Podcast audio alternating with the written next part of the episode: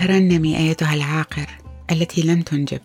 أشيدي بالترنم والهتاف يا من لم تقاسي من المخاض لأن أبناء المهجورة أكثر من أبناء ذات الزوج يقول الرب.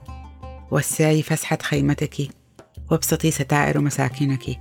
لا تضيقي أطيل حبال خيمتك ورسخي أوتادك لأنك ستمتدين يمينا وشمالا ويرث نسلك أمما ويعمرون المدن الخربة لا تجزعي لأنك لن تخزي. ولا تخجلي لأنه لن يلحق بك عار. فأنت ستنسين خزى صباك ولن تتذكري من بعد عار ترملك لأن صانعك هو زوجك والرب القدير اسمه. وفاديك هو قدوس إسرائيل الذي يدعى إله كل الأرض.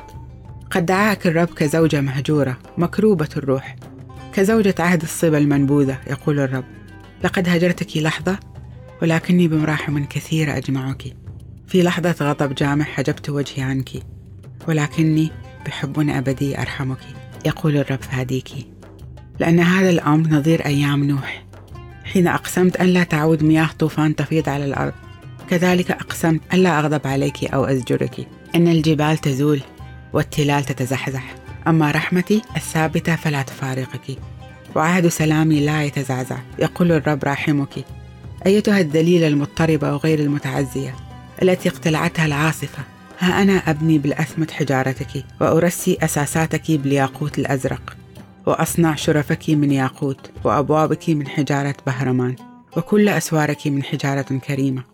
ويكون جميع أبنائك تلاميذ الرب ويعمهم سلام عظيم. بالبر يتم ترسيخك وتكونين بعيدة عن كل ضيق فلن تخافي. ونائية عن الرعب لأنه لن يقترب منك. فإذا حشد عدو جيوشه لقتالكم فلن يكون ذلك بأمر مني. لهذا أقضي على كل من يعاديكم وأحميكم. وكل آلة صنعت لمهاجمتك لا تنجح. وكل لسان يتهمك أمام القضاء تفحمينه. لأن هذا هو ميراث عبيد الرب وبرهم الذي أنعمت به عليهم يقول الرب.